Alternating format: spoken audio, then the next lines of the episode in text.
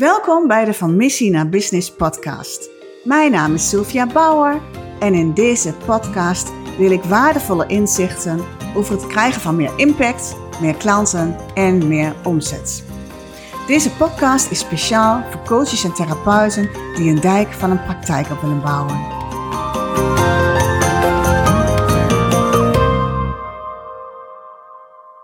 Welkom bij weer een nieuwe aflevering van de Van Missie naar Business podcast. Tegenover mij zit iemand die ik al heel lang ken en ook al heel lang bewonder en waar ik ook al heel lang bevriend mee ben. Sean Mustard. En Sean, ik stel jou ook even um, aan het begin van deze podcast de vraag die ik iedereen stel aan het begin van de podcast. En voordat je je echt gaat voorstellen uh, en alles. En die vraag is, heb je het gevoel dat je van jouw missie je business gemaakt hebt? En zo ja, hoe voelt het dan voor jou en op welke manier voel je dat? Ja, dat voelt echt zo, Sylvia. Voor mij is het, uh, je hebt werk en je hebt leven vanuit je hart. En bij mij gaat dat samen. Ik werk vanuit mijn hart en dan is het opeens geen werk meer. Dus het is echt mijn missie. Het is mijn passie. Het is mijn manier van leven geworden. En ik ben er ongelooflijk dankbaar voor dat ik dat mag doen. Ja, en zoals ik bij de introductie al zei, we kennen elkaar al heel lang, hè? Al heel lang inderdaad. Maar, maar hoe lang is dat eigenlijk? Ja, ik zit even na te denken. Uh, ja, of twintig? Waarschijnlijk wel. Ja, ja. Ja, want jij was toen de docent op de opleiding. Inderdaad, ik was uh, de docent voor natuurgeneeskunde en zo heb ik Marco, jouw man, leren kennen. Ja, ja. En wij waren allebei een beetje, denk ik, als ik het zo mag zeggen, buitenbeentjes. Ja. Hè? Ook, uh, en een stukje technisch en misschien ook anders naar de werkelijkheid kijken dan wat ze daar gewend waren. Ja. Dus we hadden al gelijk een klik. Ja, ja en ook uh, met beide voeten in de klei, hè? Ja, dat mag je wel zeggen. ja, ja, ja, ja, Mooi. John, zou jij je uh, eens kort willen voorstellen aan de luisteraar? Hoe ben jij als mens, hoe ben jij als ondernemer? Ja, um, het is allemaal begonnen. Misschien is dat goed dat ik dat even vertel. Mm -hmm. Ik ben John Mustard en ik had een heel jong belangstelling voor gezondheid en ziekte, spiritualiteit. Uh, als kind uh, heb ik astma gehad, lag vaak in ziekenhuizen. En voor mij was het omslagpunt toen ik uh, voor de kerk waar ik toen bij was, oud papier ging verzamelen. En dan vond ik een boekje over yoga en een boekje over kruiden. En dat is eigenlijk levensbepalend geweest. Ik ben heel trouw als jongetje van 12 die yoga oefeningen gaan doen. En ik merkte dat dat gewoon iets deed met mij. En toen ben ik verder gegaan met, met de plantjes hè, bekijken van wat, wat zijn dat kruiden en wat kan je er allemaal mee doen.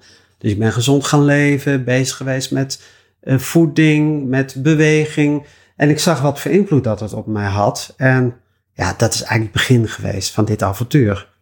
Dat ik er zo ingerold ben. Mm -hmm. um, ik heb dus een coachingbedrijf. Ja. Training en coaching. En daarnaast heb ik, wat ook belangrijk is, ook een passie is, is therapeutenwinkel. Mm -hmm. Dat zijn voedingssupplementen die ik zelf bedacht heb. Dus zijn eigen formules, zijn eigenlijk mijn kindjes, zeg ik altijd. Mm -hmm. Ja. En de coaching uh, werk ik heel veel uiteraard, Sylvia, want zo kennen we elkaar ook van, met het labyrint. Ja, ja. Daar heb ik allerlei technieken voor ontwikkeld om met het labyrint te coachen. En ja, dat, dat, daar word ik altijd heel blij ja, van ja. om te doen. Ja, ik kan me nog heel goed herinneren dat ik, uh, hoe lang is het nou geleden? Ik denk een jaar of zeven, acht misschien wel. Ja, volgens Dat ik uh, bij jou kwam voor een consult met het labyrint. Omdat ik zoiets had van, ja, ik, ik wil wat anders, maar wat dan? Ja.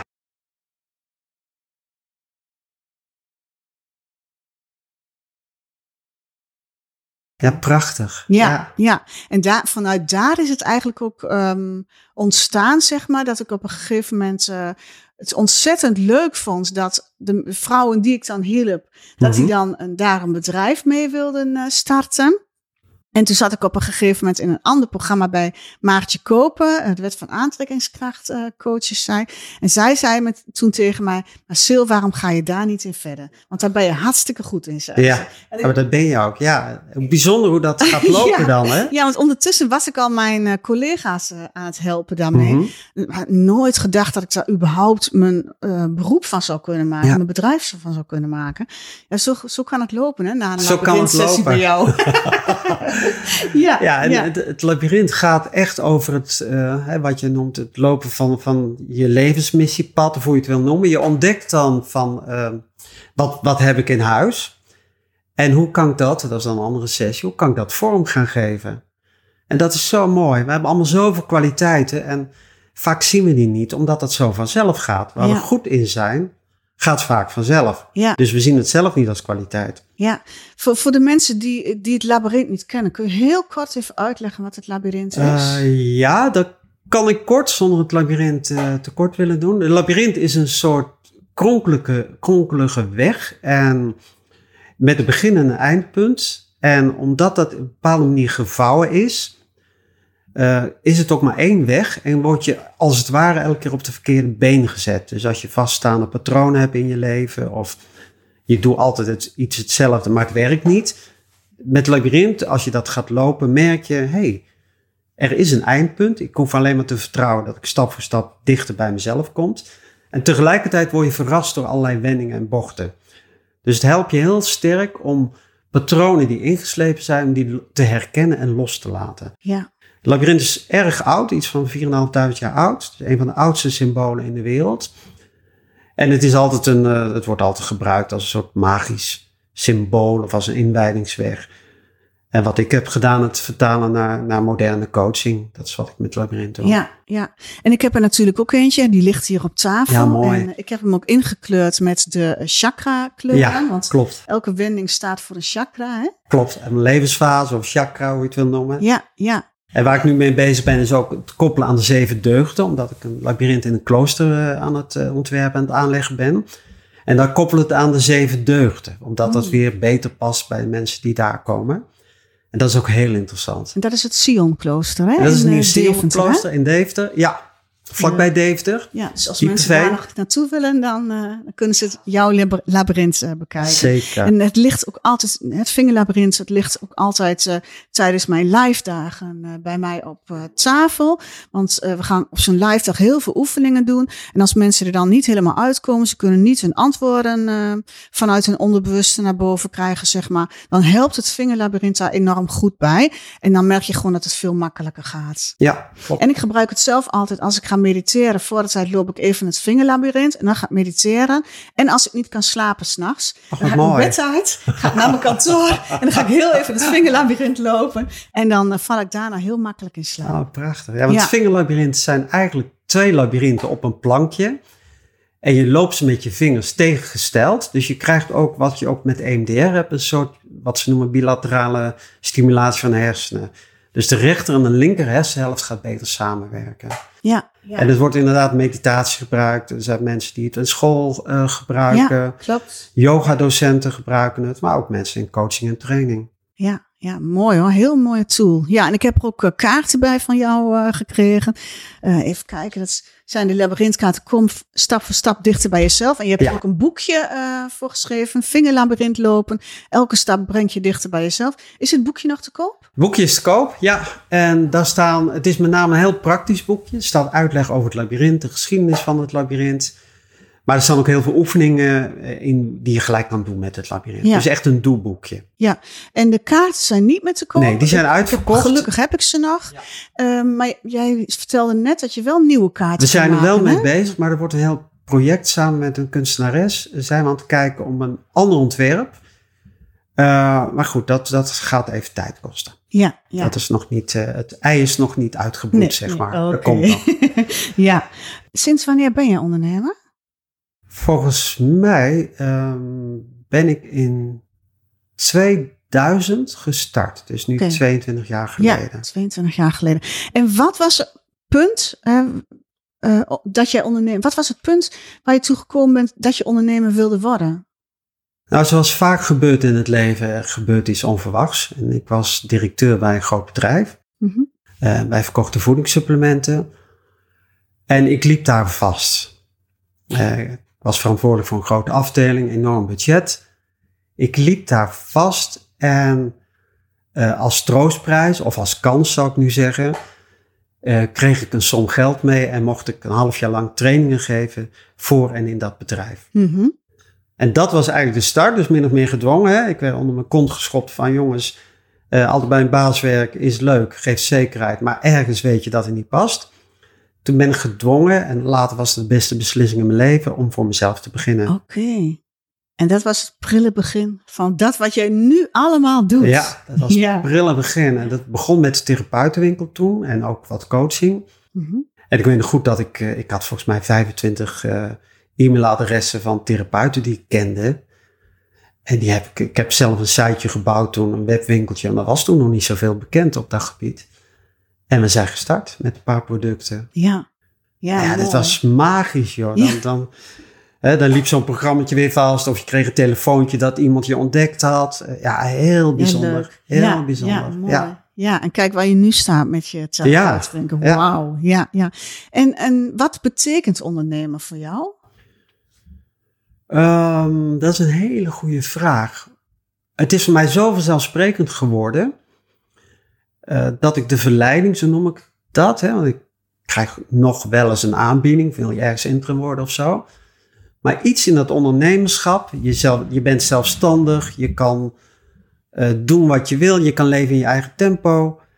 Uh, je hebt verantwoordelijkheid over je eigen inkomen, over je eigen ideeën ja, dat, dat is het voor mij. Het is, het is voor mij echt een manier van leven. Ik denk dat dat best omschreven is. Ik zal nooit meer anders kunnen. Nee, nee, nee, dat herken ik wel. ja, ja. Ik, uh, ja, ik zou het ook ik zou het niet meer. Nee. Ik zou het wel je kan kunnen, niet terugdenken. Ik zou het wel kunnen in Lonisch, maar ik zou er echt helemaal niet meer gelukkig van worden. Ja. En met name de creativiteit zou ik heel erg Precies, missen. ja, ja. ja. Um, je vertelde net al wat je had gedaan. Hè? Uh, maar zou je eens kunnen zeggen, hoe is bij jou jouw, jouw loopbaan, jouw carrière zeg maar verlopen? Wat heb je allemaal gedaan? Want ik weet dat je heel veel gedaan hebt. Ik heb heel veel bent. Ja, ja, ik heb heel veel gedaan. Ik ben ooit begonnen in de techniek. En op zich is dat al een interessant verhaal, want uh, ik wilde geluidstechnicus worden. En achteraf, daar kwam ik pas later, uh, ontdekte ik dat kwam dat niet zozeer omdat ik geluidtechnicus wilde worden en het geluid wilde verzorgen van mensen. Maar ik had iets met podium. Dus toen ik voor het eerst, uh, toen ik op de Academie voor Natuurgeneeskunde zat en aan mij gevraagd werd, wil jij een uh, lezingendag organiseren? Vond ik het doodeng, maar toen ik op het podium stond, dacht ik, yes, dit is wat ik wil. Dit is wat ik leuk vind. Ja. Dus dat was een beetje, die motivatie klopte niet helemaal. Ik wilde op podium, maar ik dacht, nou, dat kan ik niet. Daar ben ik te verlegen voor, te onzeker. Maar toen ik er helemaal stond, dacht ik, dit is wat ik wil. Ik wil trainingen geven, coachen. En misschien zelfs nog meer dan de natuurgeneeskunde waar ik toen uh, de studie voor deed. Uh, want ook daar werd gezegd, ja, weet je, je bent een goede therapeut, maar eigenlijk ben je coach. En ik wist helemaal niet wat dat begrip was. Dat je wist het verschil niet. Ik wist helemaal niet dat dat bestond, coach. Ja, ja. En later dacht ik, het klopt wel. Een therapeut is veel meer bezig met wat er niet is of wat gebrek er is. En een coach kijkt veel meer naar de mogelijkheden. Ja. En ja, dat is toch een iets anders. Ja. Een andere manier van... Ja, uh, ja. bij therapeuten krijg je ook vaak een behandeling, hè? Ja, en er is een, een verschil. Ik noem mezelf als coach, uh, zeker in het labyrint, als een reisleider. We lopen samen het levenspad. En dan kijken we samen. Ik wijs je op dingen tijdens die wandeling die wel bij je passen, maar die misschien nog nooit zo bekeken hebben. Mm ja, ja. En therapeut vind ik meer, je markeert iets. Je hebt bijvoorbeeld, uh, noem maar iets, hooikoorts. En ik weet een middel voor jou. Mm En waar ik altijd mee geworsteld heb, is dat die verantwoordelijkheid dan, als je niet oppast, ligt bij de therapeut. Mm En ja. een coach die wijst je veel meer op je eigen verantwoordelijkheid. Mm ja. Je eigen manier van fit blijven. Dus dat. Uh, ja, ik denk wel dat er heel veel therapeuten zijn die eigenlijk ook coach zijn. Hè? Waarschijnlijk wel. Ja, Waarschijnlijk, ja, Waarschijnlijk zijn dat ook, als ik dat mag zeggen, de betere. ja, ja, ja, ja, ja. En, maar um, je hebt toch veel meer gedaan? Je hebt ook nog les gegeven? Ik heb les gegeven op de Academie voor Natuurgeneeskunde. Ik ben ooit begonnen, dat was een, een ommezwaai wel. Ik werkte bij de PTT op technische afdeling. En ik zag toen een vacature voor artsenbezoeker. En ik zat net het eerste jaar natuurgeneeskunde, dus heel brutaal gesolliciteerd. Ben ik, ik ben het geworden heel veel geleerd daar. En uh, ja, dan is er geen weg meer terug. Dus sindsdien ben ik altijd gaan werken bij bedrijven die met natuurgeneeskunde, homeopathie werken, ja. fytotherapie, oligotherapie. Ja, ja. Want dit is toch ook niet het enige boekje wat je ooit hebt gemaakt? Ik kan me nog herinneren. Dat ik heb heel veel boekjes geschreven van een groot bedrijf. En dat ging over afslanken, hoofdpijn. Uh, en dat afslanken, dat was een product gebaseerd op appelazijn. Dat is zelfs in het Chinees vertaald toen. Dat was echt heel leuk. Dat is in het Frans, in het Engels, Duits uh, en Chinees. Mm -hmm. In het Oekraïne is het verschenen. Ja. En ook daar, dat, dat was, ging wel over het product, maar daar heb ik ook een beetje coachingsdingetjes in verwerkt en een goed dieet. Mhm. Ja. ja. Dus het geheim is eigenlijk dat mensen sowieso afvielen als ze dat dieet volgden. Maar ze hadden ook een beetje het idee, het product helpt. En dat was ook zo. Ja. Maar dieet was het belangrijkste. Oké. Dus ja. daar heb ik, ik heb dan een serie van tien boekjes over geschreven. Oké, eh, Uit ja. allerlei eh, onderwerpen. En dan breed bekeken, hè, van regulier. eh, wat kan je zelf doen, maar ook met natuurlijke middelen. Dus dat, was, eh, dat heb ik een Ja. aantal jaren gedaan, Ja. inderdaad. En ehm, je hebt net al wat verteld over het vingerlabyrint, maar je werkt ook nog met andere tools, hè? Ja, ik werk veel met Roos van Lery. En de Roos van Lery, dat is een communicatiemodel. Ik, werk meestal eh, ook als trainer in- met communicatievaardigheden Mhm. aan te leren. En dat was voor mij wel zo'n eye-opener dat je je communicatie eigenlijk bepaalt de ander hoe jij overkomt in je communicatie. En je kan als zender denken, nou, ik heb een, een boodschap. Maar pas, dat zou je ook hebben met die podcast, pas door de reacties van anderen weet jij hoe het overkomt. Mhm. En wat je ermee bereikt en hoe je overkomt. Ja. En dat train ik dus mensen, en dat zit ook altijd in coachingstrajecten. Van hoe kom je over, en dan werken met testen enzovoort. En het principe van leren is dat je al heel jong twee manieren aanleert van communicatie. Of van erbij willen horen, zou ik Mhm. bijna zeggen bij, bij mensen. En het is, ben je een huilbaby, dan vraag je aandacht door opstandig te zijn, even heel zwart-wit gezegd. Of ben je een baby die heel lief lacht en zo de aandacht krijgt. Dat is een van de eerste stijlen in communicatie. En dat is dan non-verbaal, om je uit te drukken en de aandacht te krijgen. Oké. En dan de tweede lijn is van hoeveel dominantie neem je? Word je gezien als je dominant bent? Hè? Als je bijvoorbeeld de oudste broer of zus bent en je, je hebt het hoogste woord. Of word je gezien als je ondergeschikt bent en je, je schikt naar anderen? Dus dat is een beetje het verschil. Interessant. Ja. Ja, dat is heel leuk. En als je er inzicht in krijgt van wat wij continu doen, wij stappen in patronen, maar we zijn daar niet bewust van. En wat ik wil leren, wat, wat we doen met coaching, is mensen leren het patroon te herkennen en hoe je daaruit blijft. Oké. Want is dat wat jij wil, Ja. dat patroon? Ja. Goh, interessant. ja, ja. En ehm, wie is jouw doelgroep? Als ik kijk naar de. Ik heb dat wel eens een keertje bijgehouden. Hè. Het zijn eh, eigenlijk altijd, of bijna altijd, vrouwen tussen de 35, 55 is, is Mhm. het gemiddeld. Eh, vaak HBO-niveau. En vaak ook, en dat vind ik opvallend, dat ze eh, wel dat niveau hebben, maar niet de opleiding afgemaakt hebben of zo. Maar wel coach of therapeut, hè? Ja, coach-therapeut heel vaak. En eh, die vastlopen, die we iets willen leren als een nieuwe coachingstechniek. Of die vastlopen met, met eh, andere zaken. Ik, ik werk best veel met traumaverwerking met labyrint. En dan kom je natuurlijk van alles tegen. Dat is Ja. van eh, eh, ja, dingen die in het verleden gebeurd Mhm. zijn tot, tot, tot, nou ja, goed, tot Ja. heel erg dingen. Ja, ja. En met labyrint is wel een hele zachte en, en hele effectieve manier om trauma's te behandelen. En Mhm. plek te geven weer. Ja, ja. En eh jij werkt, ehm, nu is het corona natuurlijk, dus nou ja, de laatste twee jaar is het offline werken natuurlijk een stuk minder geworden. Ehm, maar ik hoorde dat jij ook zei dat je net een, ehm, een online programma had. Ja, ik heb een aantal online programma's. Eentje is het leren werken met vingerlabyrint. Mhm. En wat ik ook geef is een ehm, het trauma verwerken met vingerlabyrint. Dat doe ik ook online. En de Roos van Leren, waar we net over gehad hebben, dat geef ik ook online. Oké, En met de Roos van Leren krijgen mensen een toolkit thuisgestuurd. Er zit een boekje bij, een kleedje waar je de posities kan zien. Ja. En poppetjes. En online oefenen we dan eh, ja, de Roos van Leren. En het nieuwe, het unieke daaraan is ook dat het gecombineerd wordt met familieopstellingen. Hmm, En dat is eh, volgens mij, vrij was dat er niet eerder. Nee, Ja. ik heb het nog Dat is echt heel leuk. Ja, oh, interessant. Ja. Jouw online programma is niet alleen maar eh, filmpjes kijken, je krijgt jou er ook nog één op één bij, of niet, John? Ja. Ja, en dat heb ik gedaan omdat het vaak over hele intieme onderwerpen gaat. Met name traumaverwerking. En de familieopstellingen, eh, wat ik doe met Leri, dat gaat ook één op één. Want je stelt je eigen familie op. En dan kijk je hoe die patronen zich nog vertalen in jouw handelen in het hier en nu. Ehm, het is heel intensief en je komt veel verder dan in een groep.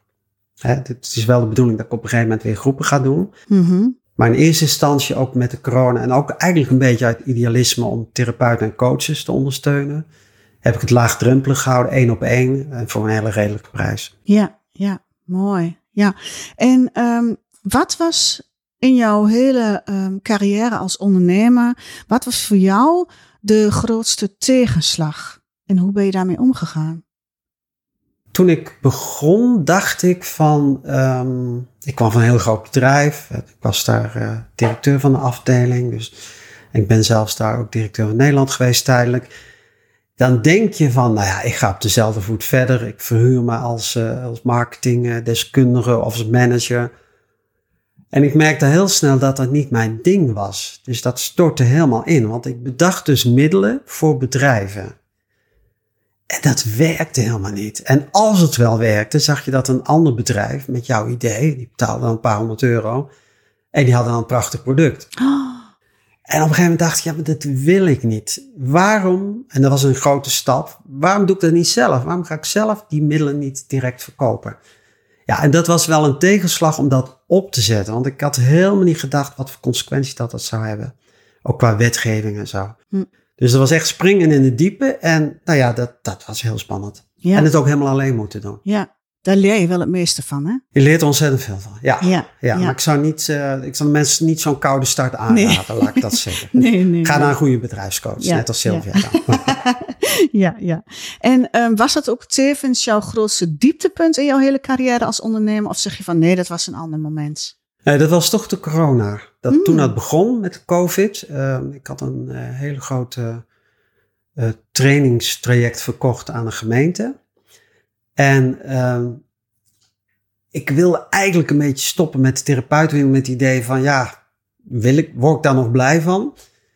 En toen is net, nou ja, net of de kosmos daar een signaal voor wilde geven, was heel daar dat corona. het was heel bijzonder, want eh, en dat traject ging niet meer door omdat COVID was. Dus de gemeente gooide alles op slot, terwijl Ja. we zouden starten. Ja, En de therapeutenwinkel, die omzet, die werd sky high, omdat iedereen daar producten ging bestellen. En iedereen was opeens bezig, werd geconfronteerd met zijn eigen gezondheid. Mhm. Ja, en dat was wel een heel bijzonder iets. Want ik dacht, de ene dag help, het inkomen van een heel jaar valt weg. Want dat was het traject van een jaar. En keer, jippie, alles loopt gewoon door. Ja. En dat was ook zo duidelijk bewijs van, ja, stop daar niet mee. Want eh, ik kan dus verschillende dingen tegelijk doen. En eh, geniet daarvan. Als het maar vanuit je hart is, vanuit je passie. ja, precies. Ja. En wat was voor jou dan de mooiste ervaring in jouw hele carrière? Eh, ja, ik heb er verschillende gehad. En dan kom ik toch meer op de coaching. Ik coach ook veel voor, voor het UWV, werkfit trajecten. Mhm. En eh, een tijdje geleden heb ik iemand gecoacht die al jaren vastliep. Best een, niet zo'n hele makkelijke vrouw zou je kunnen zeggen, in communicatie. En wij samen ontdekten al heel snel dat er wat meer zat dan een ongemakkelijkheid eh, naar een ander toe. Eh, die vrouw heb ik door kunnen sturen naar GGZ. En daar werd gediagnosticeerd dat ze in het autistisch spectrum zat. En voor haar is toen een hele wereld, eh, ja, het is totaal veranderd. Hmm, Want ze was als kind, werd ze altijd gepest. Ze voelde zich anders dan anderen. Ja, En toen we daar samen achter kwamen, en ja, en de, ja goed, wij, wij, wij mochten elkaar wel zover dat kan hè, met iemand die in het spectrum zit. Maar ik vond het zo geweldig dat iemand eindelijk op zijn of haar plek komt. Dat, dat zijn ervaringen, die vergeet je nooit meer. Hmm, mooi. Ja, dat Ja. vond ik echt... eh, Ja, wat zal dat veel voldoening geven, hè? Dat geeft heel veel voldoening. Ja, Ja, daar ja. doe je het voor. Ja, Dat precies. iemand op zijn plek komt. Dat je die ander ook weer los mag laten in vertrouwen van... Jij loopt nu je eigen levenspad en je redt het wel. Mooi. Ja. Ja, ja. En ehm, ja, ik heb hier nog staan, eh, wat is je grootste uitdaging als ondernemer? Of heb je die al genoemd? Nee, wat mij... Maar dat is ook meer persoonlijk. Hè. Bij mij loopt dat heel sterk door elkaar. Ik ben een ideeëngenerator. En ehm, ik heb altijd... Als ik wakker word, heb ik al tien ideeën. Daar begint het mee. En ik leer steeds beter welke ik eh, gewoon mag loslaten. En welke de aandacht vragen om uitgewerkt te worden. En soms ga ik er helemaal de mis mee in. Ik heb twee jaar geleden wilde ik eh, kaarsen gieten in de vorm van appels. Had ik een heel businessplan gemaakt met etherische olie enzovoorts. En ja, dat werd het niet. En wat ik nu wel geleerd heb, dan toch te genieten van het proces, creativiteit. En dan ook durven te zeggen, jongens, dit past niet bij je. Het is Mhm. leuk, maar het is niet jouw ding. Ja, ja. Weet je wat ik altijd zeg tegen mensen die zo heel creatief zijn? Vertel. Eh, ik zeg altijd van, eh, die creativiteit zet je in voor je marketing. Ja, dat is een hele goeie. Ja, He, want op een gegeven moment weet je wel welke diensten van jou goed lopen en welke niet lopen. Dus met die, waar je, die niet goed lopen, die kun je skippen. ja. En wat wel goed loopt, daar kun je mee verder. Maar daar wil je natuurlijk wel meer, eh, meer, meer klanten voor krijgen en meer omzet mee draaien. Dus dan kun je die creativiteit, die kun je gieten in je marketing. Ja, en dan gaat er echt een wereld voor je open. Kijk, dat is nou echt een goede tip. Dat ga ik wel houden, Sylvia. Ja, ja, ja. Ehm, wat doe je, we hebben het nou heel de tijd over jou als ondernemer, maar wat doe je graag in de tijd eh, naast dat je ondernemer bent? Wat mij enorm ehm, geholpen heeft. Ik heb best eh, een paar jaar geleden moeilijke tijd eh, op, in privé situatie gehad. Ik heb toen meditatie ontdekt. En elke ochtend mediteer ik om zes uur. En dat, dat, daar ben ik heel blij van. Dan start de dag al vrolijk. En het in de natuur zijn. Ik probeer elke dag tussen de 7 en de 10 kilometer te lopen. Eh, ja, dat, dat, het tempo is anders. Ik probeer te leven, en dat probeer ik ook in de meditatie te doen, zoals mijn hartslag is. Dus ik probeer in het tempo van mijn eigen hart te leven en te werken. En Mm. dat wordt zo, zo fijn gevoel is dat dan. Ja, wat zeg je dat ook mooi. Ah, dank je. Ja, prachtig. Ja. En daar krijg je heel veel energie van. Daar krijg ik energie van. Ja, en dan kan je ook voelen, hè, wat, wat je ook net zei, eh, als iets niet past, dan kan je dat voelen aan je hart. Dat is dan een soort zuiver gevoel. En ook, eh, ook kan het heel aantrekkelijk zijn, bijvoorbeeld financieel. Dan kan je toch voelen vanuit je hart, past dit bij mij? Nee. Nou, dan doen we het niet. Ja. Ook al verdien je, ik weet niet hoeveel geld mee, als je er zelf niet gelukkig van wordt, Niet. dan is het ook geen lang leven beschoren. Nee, Nee, nee. Leef je uit je hart, het enige wat klopt. Ja, precies. En ik zeg altijd, eh, betrek je ziel er ook bij. hè? Ja, dat is heel mooi. Ja, ja. Ja, ja. En John, ik wil je graag een paar eh, persoonlijke cursus voorleggen. Ik ben gewoon heel benieuwd wat jij kiest. Ehm, kies jij liever voor thuiswerken of kies jij voor buitenshuis werken? Buitenshuis vind ik prettiger. Oké, dus dat je ergens een locatie huurt. Ja, ik huur bijna altijd een locatie. Ehm, ook omdat ik over heel het land eh, cliënten heb. Hè, dus dat maakt het ook verschil. En ga je dan naar die cliënten toe of, of huur je daar dan in de buurt? Ik huur dan iets, eh, vaak via eh coachingshuis of zo of andere Mhm, gelegenheden.